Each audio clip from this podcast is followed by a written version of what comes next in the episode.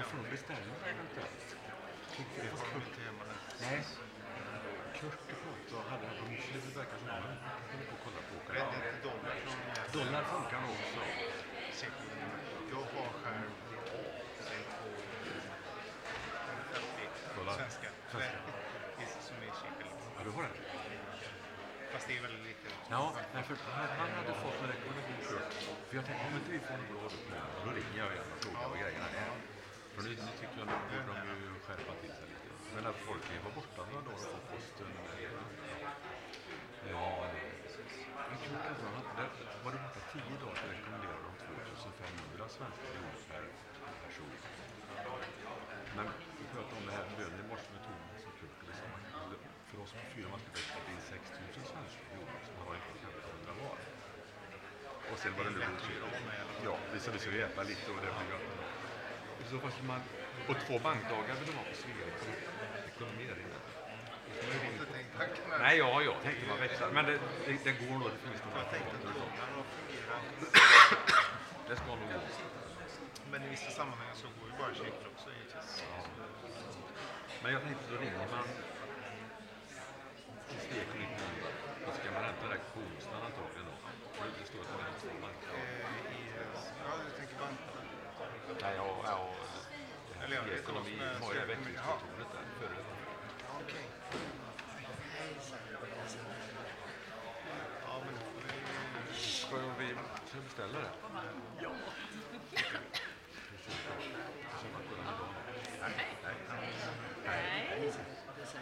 Nej.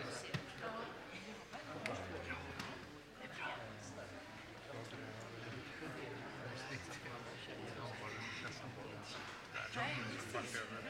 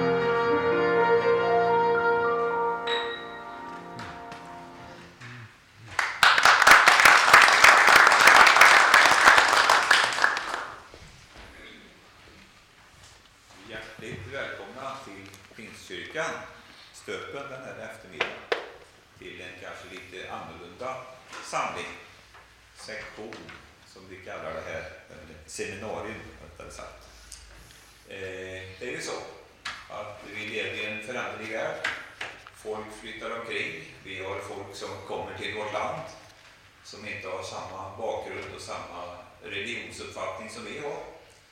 Och vi stöter på den här muslimska världen och då tror jag att det kan vara nyttigt och bra att vi lär känna lite grann vad det här världen står för. Och för att vi ska kunna få ta reda på det riktigt bra så har vi gett Hasse Olofsson komma hit idag. Och ni som inte känner Hasse Olofsson så kan jag berätta att eh, han jobbade som vakanspastor en gång i tiden i vår församling. Vi var utsändande församling när du var missionär i Sierra Leone. Och nu jobbar du för IBRA och är ansvarig för Asienområdet. En, Och där stöter du på en, en liten, lite sådär lagom stort område. inte lagom stort område, då är det ja, ett antal miljoner. Du får gärna berätta lite mer sen. Men då vet ni lite bakgrunden till Hasse. Hjärtligt välkommen Hasse till oss. Tack. Och sen kan jag väl säga hjärtligt välkommen till dig också Kenneth. Det är inte varje dag som vi eh, hälsar dig välkommen till eh, kyrkan här. Du är så att säga en utav oss. Men, eh, ja, just det. Ja, ja. Ska han prata på seminariet också? Ja, barn är också hjärtligt välkomna hit. Eh, till lite i seminariet. Det är så att i hans arbete på högskolan i Borås så eh, jobbar han en del med de här frågorna. Så att eh, därför kommer även Kenneth att medverka lite grann. Eh, schemat lite grann vad som gäller här i eftermiddag kväll. Det är att eh, vi ska, ja vi ska sjunga något mycket över. Och sen så ska Hasse prata om broar till Gudsriket från Johannes 4. Sen i 45 minuter ungefär. Och sen så tar vi en liten kort fruktpaus. Kommer serveras frukt där ute. Sen så kommer Kenneth prata en kvart ungefär om våra föreställningar.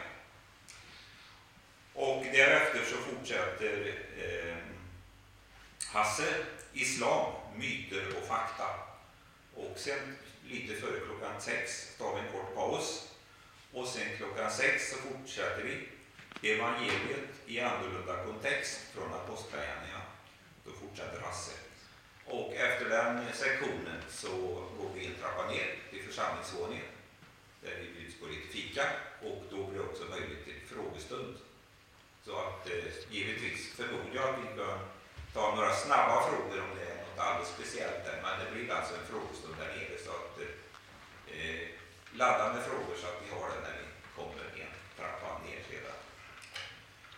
Att vi går ut med evangeliet. Jag tänkte bara läsa ett väldigt välkänt ställe från Bibeln i Matteus, det så kallade missionsbefallningen. Åt mig har getts all makt i himlen och på jorden. Gå därför ut och gör alla folk till lärjungar. Döp dem i Faderns och Sonens och den helige Andes namn. Och lär dem att hålla alla de bud jag har gett er, och jag är med er alla dagar till tidens slut. Så vi bara ber om Guds välsignelse också över den här eftermiddagen på kvällen. Fader i himlen, jag tackar och lovar och prisar dig. Tack Jesus för att eh, du har dött för vår skull Jesus. Men tack att vi får eh, åkalla dig idag. Och tack Jesus att du har gett oss det här bibelordet som vägledning. Och tack att det är det vi får förkunna Jesus. Att det är det vår förkunnelse bygger på när vi går ut Jesus. Både i vår församling när vi predikar runt om i vår värld. Och Jesus, nu ber jag att du ska välsigna både Hasse och Kenneth när de ska vägleda oss och ta med oss i en undervisning. Tack att vi alla får vara, sitta och lyssna och ta del av den undervisning du har och ger oss idag. Tack att vi överlämnar till din hand. I Jesu namn.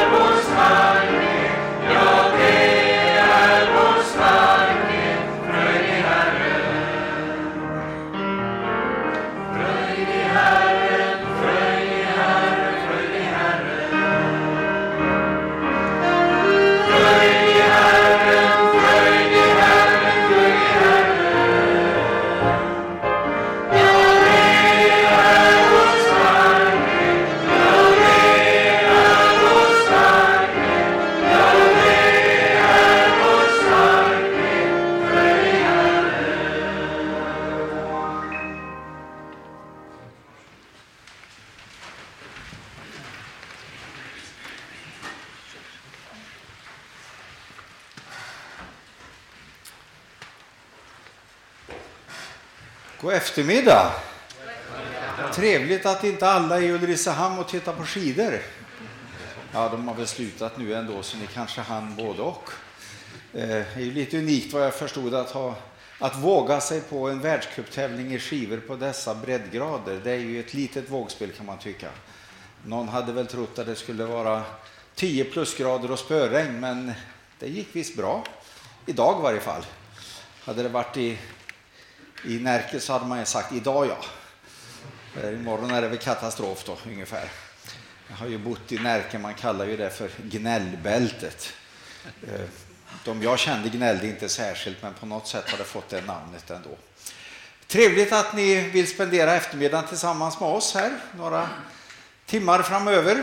Och det blir lite paus och lite så här, så att jag hoppas att ni inte ska bli alldeles för trötta. Vi har ju god förskole förskoleanda lagt in en fruktstund och det brukar ju pigga upp lite, höja blodsockret lite grann och göra att man orkar med lite mer.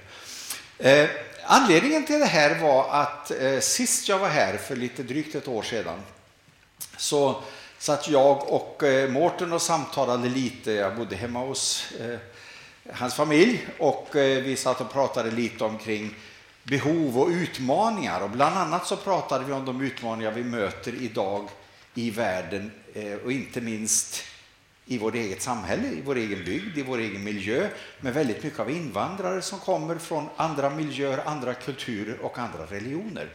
Och hur hanterar vi, hur möter vi de här eh, frågorna? Eh, och eh, jag berättade bland annat, det var nog lite senare jag kom tillbaka och sa att vi ska ha en samling i Karlsson kring det här i augusti. Eh, och nu passade det inte att ni kunde vara med i augusti.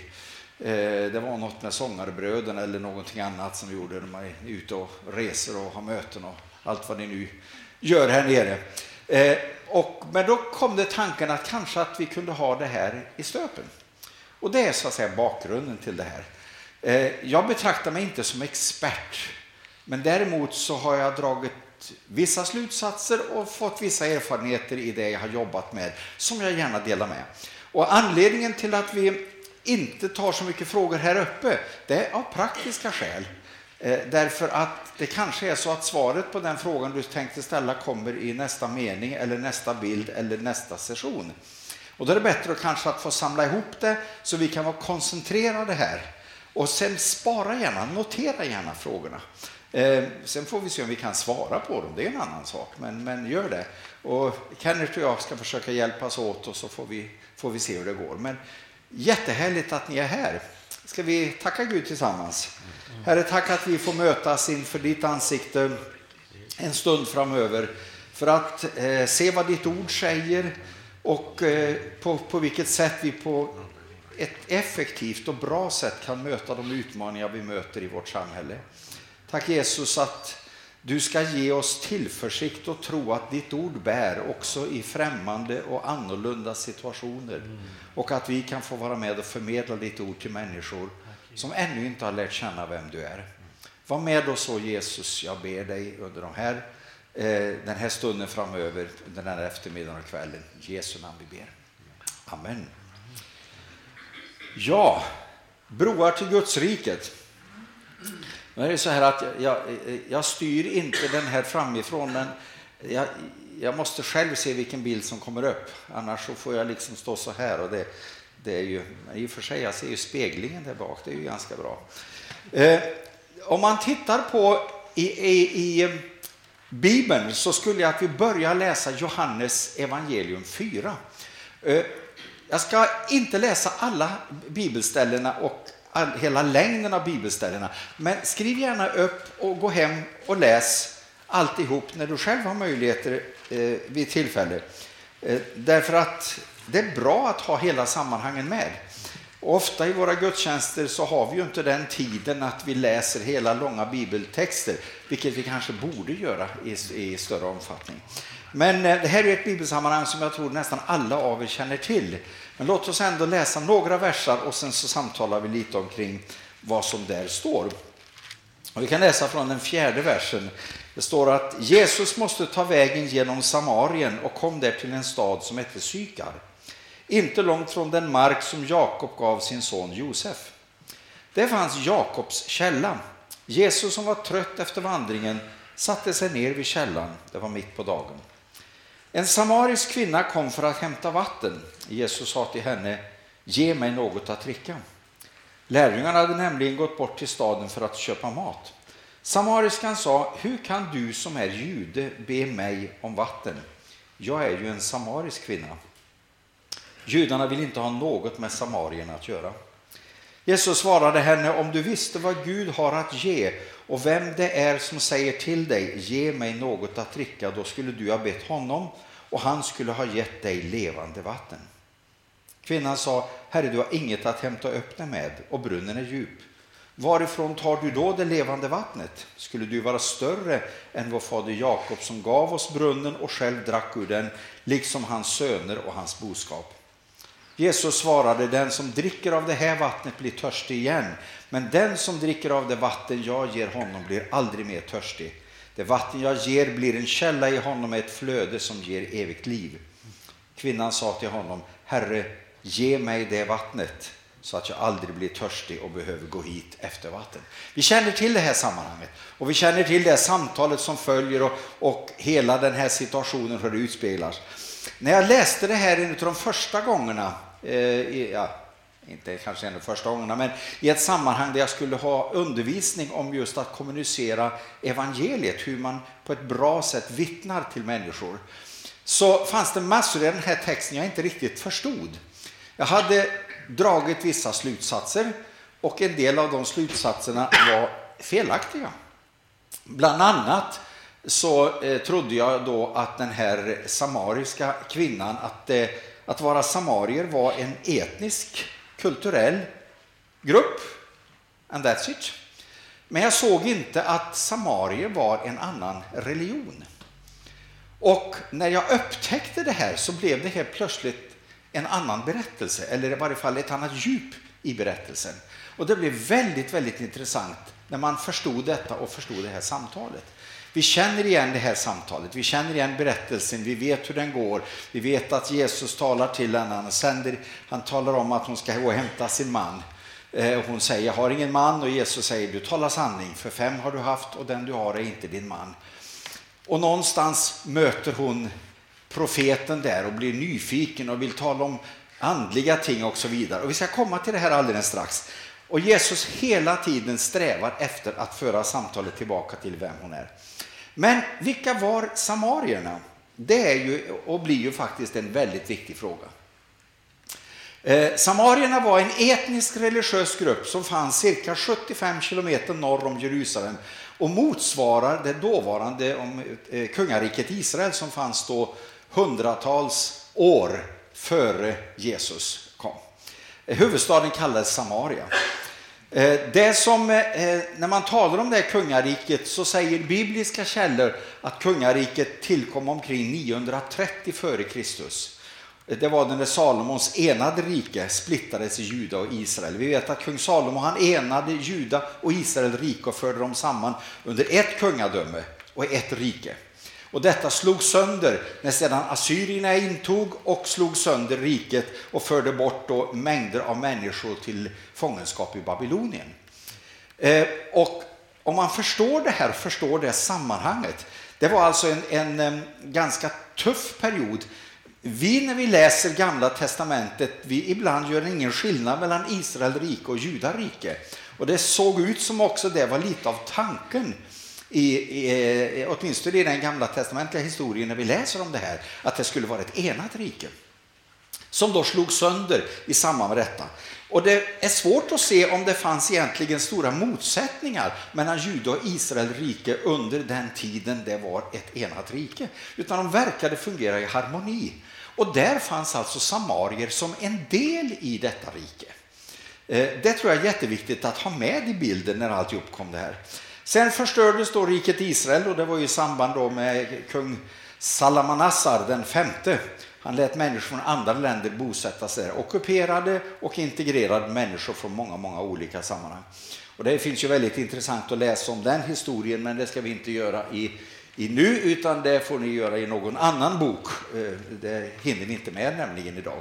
Annars tycker jag historien här är jätteintressant och man skulle kunna titta på vad hände under folket under hela den här perioden när de fanns i fångenskap och hur fungerade det där. Sen förstördes då Jerusalems tempel 586 f.Kr. Men när det sedan skulle återbyggas av de återvändande judarna från Babylon, då erbjöd sig också samarierna att hjälpa till. Och det här tycker jag är intressant. Det, det står inte varför de erbjöd sig hjälpa till. Eh, men någonstans kanske det fanns hos dem drömmen om ett enat rike igen. Vi vet inte det.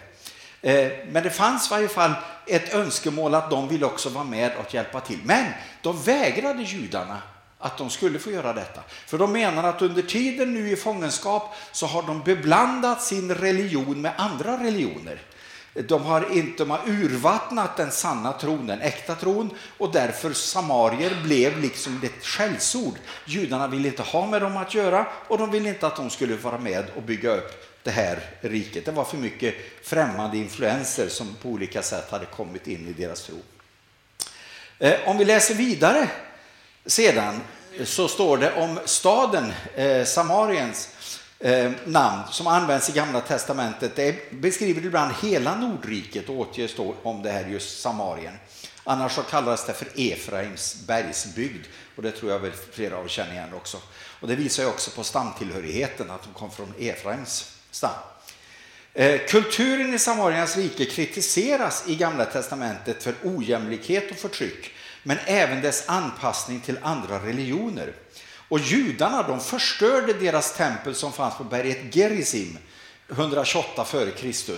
Vilket ytterligare spädde på fiendskapen mellan samarier och judar.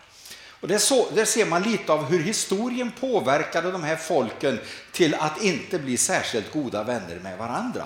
Utan istället bli lite av fiender. Först ville Eh, samarierna var med och bygga upp judarnas tempel, det ville inte judarna. Sen till råga på allt så eh, attackerar judarna eh, samariernas tempel och förstör och raserar detta. Och det är klart, det blir ju inte sådär jätteroligt kan man tycka. Under den romerska ockupationen så uppgick samariernas antal till ungefär 450 000. Idag, de finns fortfarande kvar, men det finns ungefär 700 stycken kvar idag. De är bosatta i Nablus norr om Tel Aviv, oftast i ett, ett begränsat område. Där. Och de kallar sig för Bene Israel, Israels söner. Eh, Jag blev fascinerad när jag läste om det här och jag har blivit väldigt sugen på att forska mer omkring Bene Israel, Israels söner och, och läsa mer om det här. Men som sagt, det kan jag inte göra till idag och det hinner jag inte göra nu i närmaste veckorna för då har jag lite annat att göra. Men jag har blivit väldigt sugen på att, att läsa mer om, om var de kom från och bakgrunden. Men den här bakgrunden var ju känd för Jesus när Jesus möter den här kvinnan. Han vet om spänningarna. Eh, han vet om konflikten, han vet om vad som har hänt under de år som har gått och han vet om också synen på varandra som då finns här. Och den synen framförallt bottnade i den religiösa Eh, skillnaden, nämligen att de hade uppblandat den sanna religionen med andra influenser. Och därför skulle man som jude inte ha något att göra med samarierna. De avskydde samarierna rent ut sagt. Så de här spänningarna finns i hela det här momentet när Jesus kommer och möter eh, den här kvinnan. Och då kan man tänka sig, hur möter då Jesus en människa från en annan religion, från en annan kultur, från ett annat sammanhang? För det logiska vore ju, tänker vi, kanske, jag vet inte.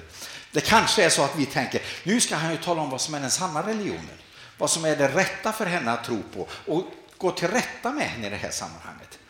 Men det intressanta är i det här samtalet att Jesus bryr sig inte om att prata om religion. Han håller religion borta borta från samtalsagendan.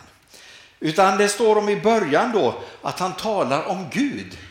I verserna 9 och 10. Han talar inte om olikheterna, han talar om Gud. Han tar tillbaka det som är centralt. Det står så här Eh, kvinnan då, hur kan du som är jude be mig om vatten? Jag är en samarisk kvinna och judarna vill inte ha något med samarierna att göra. Jesus svarade, om du visste vad Gud har att ge. Om du visste vad Gud har att ge och vem det är som säger till dig, ge mig vatten, då skulle du ha bett honom. Och han skulle ha gett dig levande vatten. Märker du att samtalet hela tiden fokuserar på vad som är väsentligt? Det finns en levande Gud. Han förnekar inte deras egen Gud eller att det finns en bild av Gud i deras eget sätt. De trodde ju på, rötterna var ju de samma. Eh, utan istället talar han om vad som är viktigt i relationen till Gud och försöker att peka på det i hennes sammanhang och i hennes liv. Och så skapar han en nyfikenhet. Om du visste, om du bara visste. Tänk, bara någon säger så så blir man nyfiken. va? Man står och pratar, men om du bara visste. Eh, vadå? Vadå vet? Vad, vad, vad menar du? Och så berättar han levande vatten. Och det är också intressant. Därför uttrycket levande vatten, jag har börjat forska men jag har inte kommit hela vägen här. Men uttrycket levande vatten var någonting som användes i den samariska kulturen. Men det användes inte i den judiska kulturen. Det var någonting de alltså kände igen från sitt eget sammanhang. Och när vi läser vi, så läser vi in vår egen tolkning. Han talar om den heliga ande, han talar om uppfyllelsen av anden. Så tolkar vi när vi läser. Så ett ord kan skapa så många olika associationer. För judarna betyder det ingenting. För samarierna anknöts det till något de själva kände igen i sitt eget religiösa och kulturella mönster. Och för oss så betyder det något helt annat. Men han skapar en nyfikenhet hos människan. Det finns något mer. Det finns något djupare. Och samtidigt som han med respekt möter kvinnan, inte med fördömande. Vad är det för religion ni sysslar med? Vad är det för eh, villolära ni håller på med? Utan istället så drar han fram den här nyfikenheten till att hitta det äkta, till att hitta det sanna. Och Det finns så mycket i Jesu metod att lära oss, det, vi har att lära oss idag. Hur vi kommunicerar med människor, hur vi pratar med människor. Istället för att komma med våra färdiga svar och väldigt många gånger våra fördömande av andra människor så lär oss Jesus att det handlar om att skapa den här nyfikenheten som människor vill veta mer. Vem är Gud? De vill veta mer om vem han är. De vill veta mer vilken möjlighet han har att ge dem och göra någonting för honom. Han undviker religiösa frågor och pekar på sig själv. Eh, om du visste vad Gud har att ge och vem det är som säger till dig, alltså vem jag är, då skulle du ha bett mig och du skulle ha fått något helt annat. Och så går han vidare och säger, då säger kvinnan, du har inget att hämta upp det vattnet eh, ur brunnen och varifrån tar du det levande vattnet? Skulle du vara större än vår fader Jakob som gav oss brunnen och själv drack ur den, liksom hans söner och hans boskap? Jesus säger, den som dricker av det här vattnet blir törstig igen, men den som dricker av det vatten jag ger honom blir aldrig mer törstig. Det vattnet ger en källa, en inre källa som flödar fram till evigt liv. Ehm, och när han då har pratat om det här, satt fokus på sig själv, satt fokus på Gud, satt fokus på att inte prata om religion, men att tala om relation, då är kvinnan nyfiken. Inte bara nyfiken, hon vill ha något mer. Och så säger hon, Herre, ge mig det vattnet. Ge mig det vattnet. Han har nått fått kvinnan att komma från en fiende till honom. Hur kan du prata med mig, du som är jude och jag som är samarisk kvinna? Till att hon istället ber, snälla ge mig det vattnet du pratar om. Det som kan förvandla mitt liv, det som kan förändra mitt liv. Och han har gjort det utan att gå till rätta, utan att ifrågasätta, utan att konfrontera. Han har skapat en nyfikenhet, han har delat vem han är, han har delat vem Gud är. Och det går ju vidare naturligtvis. Han talar sanning till kvinnan och han gör det på ett varsamt sätt. Jag tycker att det är ganska fint det här när han avslöjar henne. Så är det ju inte, en, jag tolkar det i varje fall inte så, en fördömelse. Ja, fem män har du haft och den du har är inte. Där talade du sanning. Han bejakar att hon bekänner att hon har talat sanning. Han är inte min man. Istället för att säga, vad menar du? Nu ljuger du. Du har ju faktiskt haft fem och den du har nu. Så kunde han ju sagt, men istället så lyfter han, ja du säger sanning att han är inte din man för du har haft fem och den du har nu är inte din man.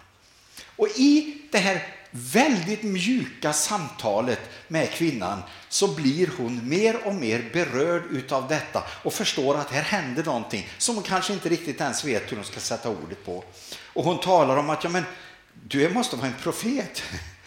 Eh, och då talar hon om, om hur profeterna är och hur, hur, hur det skulle kunna fungera i, i hennes och i andra sammanhang. Eh, Herre, jag ser att du är en profet, säger hon i vers 19. Våra fäder har tillbett Gud på det här berget, men ni säger att platsen där man ska tillbe honom finns i Jerusalem. Och Jesus säger, tro mig, det handlar varken om det här berget där ni brukar be, var berget Gerizim, eller Jerusalem. Det handlar om att tillbe Gud på ett rätt sätt. Det handlar om att tillbe Gud i ande och sanning. Du måste inte åka till Jerusalem för att finna Gud, säger han. Det kanske man behöver säga idag också. Man måste inte åka till Jerusalem för att finna Gud. Man kan finna honom där, men man kan faktiskt finna honom i stöpen också. Han är inte längre borta från någon enda av oss än att vi uttalar hans namn över våra läppar. Att tillbe Gud i ande och sanning är nyckeln, säger Jesus. Det är inte vissa platser eller vissa symboler som är det viktiga. Utan det viktiga är att tillbe honom i ande och sanning. För sådana tillbedare vill Fadern ha. Och hon blir ju nyfiken, hon vill ju tala om profeter och ni är profeter och, och hur är detta? Jesus vägrar att prata religion med henne. Han talar inte om judendomen en enda gång.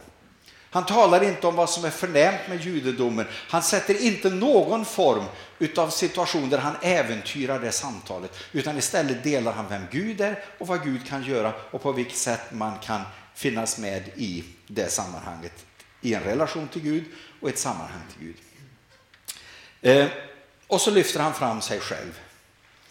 Verserna 22 till 26. Det står ju det att, att eh, den tid kommer den redan här då alla sanna gudstillbedjare ska tillbe Fadern i ande och sanning. Ty så vill Fadern att man ska tillbe honom. Gud är ande och de som tillber honom måste tillbe i ande och sanning.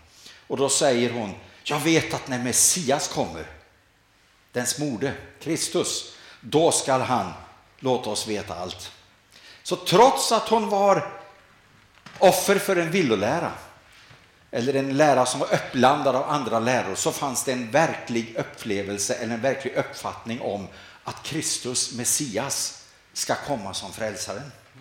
Och när han kommer då ska han uppenbara. Och det här är ett av de få sammanhangen där Jesus på ett tydligt sätt, det gör han väldigt sällan, men på ett tydligt sätt bekräftar att han är Messias. Den som talar till dig är den du nämner. Det är jag. Jag är Messias. Och så kommer den här fantastiska händelsen, fantastiska väckelsen som bryter ut. Kvinnan blir evangelist innan hon är frälst. Visst är det härligt? va? Kan man bli evangelist innan man är frälst? Så går det ju inte, man måste ju gå skola och liksom alltihop det här. Men hon hann inte. Hon sprang in till staden och så säger hon kom och se en man som har sagt mig allt. Månne han är Messias. Och så drar hon med sig en stor del av staden ut för att möta juden. Jag kan ju tänka mig att det fanns också ganska mycket eh, eh fiendskap.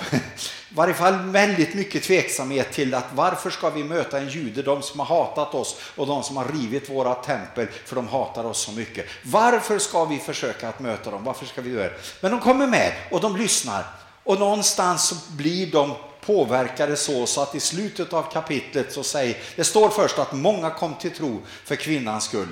Men så står det efteråt, nu har vi också själva sett och själva upplevt och hela staden blev på något sätt påverkad och förändrad. En liten, liten berättelse ur Bibeln som är så revolutionerande därför att den bryter med tabun och mönster och föreställningar som folket hade byggt upp. Man umgås inte med dem. Om judarna stod det att de gick omväg när de skulle förbi Samarien. De gick inte igenom Samarien, de gick omväg. Men det står om Jesus, han måste gå. Och det är intressant, varför måste han det? Jo, det var någonting som drev honom naturligtvis. Jag tror ju att det var vad vi alla tror, kärleken till människor. Kvinnan hon återvänder då till sitt folk och det uppstår en rörelse. Många samarier från staden hade kommit till tro på honom genom kvinnans ord eh, när hon eh, eh, delade detta. Och sen står det att han stannade där två dagar och många fler kom till tro genom hans egna ord. Och människorna säger, vi har själva hört honom och vi vet att han verkligen är världens frälsare. Jag har många gånger funderat på hur skulle det här ha kunnat bli om man inte hade agerat på det här sättet eller samtalat eller uttryckt sig just på detta sättet. Och det vet vi ju inte, men det är, det är spännande att leka med tanken. Så samarierna tog emot Jesus, men förblev samarier. Det står ingenstans i bibeltexten att nu måste ni bli judar så det blir rätt ordning på era liv och ert sätt att tänka och era förvridna uppfattningar. Det står ingenstans att Jesus ska försöka få dem att byta religion. Men han presenterar det som förvandlar, nämligen Kristus, personen. Och det är en nyckel tror jag, inte bara i det vi läser historiskt, utan i vårt sätt att kommunicera idag. Försök att prata religion med människor från andra religion och du har en konflikt. Men om du pratar om en person, om du pratar om en relation, så hamnar det på ett helt annat plan. Det är svårare att skapa den typen av motsättningar när man presenterar människan, Herren själv, Kristus personen istället för religionen och det sammanhanget. Eh, jag vet hur många människor som frågar, men ska man inte byta religion? Ska man inte byta religion när man blir, när man blir kristen, när man blir frälst? Det måste man göra. Eh, det här är ju naturligtvis en fråga som du kan få ställa då senare, för jag tänker inte svara på den nu. Men den kan du få ställa lite senare om du tycker att du gärna vill eh, gå lite djupare. Men jag skulle bara vilja hänvisa till det här bibelsammanhanget. Och läs gärna det och fundera över det och fundera över dess innebörd. Första Korinthierbrevet, sjunde kapitlet, verserna 17 till 24. I övrigt ska var och en leva med den lott som Herren har tilldelat honom. Sådan han var då Gud kallade honom. Det är den regel jag ger alla församlingar. Den som var omskuren när han blev kallad skall inte ändra på det. Vad säger han här? Den som var jude när han blev kallad skall inte sluta vara jude. Det är vad, Jesus, det är vad Paulus säger. Den som var oomskuren skall inte låta omskära sig. Den som var hedning när han blir kallad skall inte försöka bli jude för att passa in i Guds rike. Så Paulus säger jude förbli jude och så säger han hedning förbliv hedning. Vi är ju alla hedningar fast vi är frälsta hedningar, men det är en annan sak. Han säger förbliv i det du var när du blev kallad. Omskörelse eller förut är likgiltigt. Vad som betyder något är att man håller Guds bud. Var och en ska förbli vad han var när han blev kallad. Var du slav när du blev kallad så fästa inte vid det. Och även om du kan bli fri så förbli hellre vad du är. Ty slaven som har kallats att tillhöra Herren är Herrens frigivne. Och likaså är den frie som har blivit kallad Kristi slav. Gud har köpt er och priset är betalt. Bli inte slavar under människor. Bröder, var och en skall inför Gud förbli vad han var när han blev kallad. Visst är det spännande? Och visst är det intressant när man börjar öppna upp bibeltexten och bibelorden och börjar lyssna lite. Vad säger han egentligen bakom alltihop det här? Och vi vet ju Paulus fick ju själv utstå en hel del av prövningar och svårigheter tillsammans med några andra av Jesu lärjungar. Det såg vi ju inte minst eh, eh, i, i vad som händer i Apostlagärningarna, vilket vi ska tala om mer klockan sex. Då ska vi titta lite på vad som händer med apostlagärningarna och lärjungarnas sätt att föra det här vidare. Eh, men jag vill låta det här bibelordet stanna hos dig och stanna den här frågan. Eh, och det handlar också lite om vilka värderingar och vilken synpunkt vi lägger i detta. Men vi tar inte de frågeställningarna nu. Och nu är det något så unikt alltså så att jag har klarat av att sluta före tiden. Alltså, när händer det? För Hasse Olofsson, alltså det är ju det är ett unikt, det är ett mirakel som inträffar här ikväll. Eh, vi ska ta en Vi tar tio minuter paus. 10 minuters paus med frukt. Och sen så kör vi här igen och då börjar eh, eh, Kenneth att tala.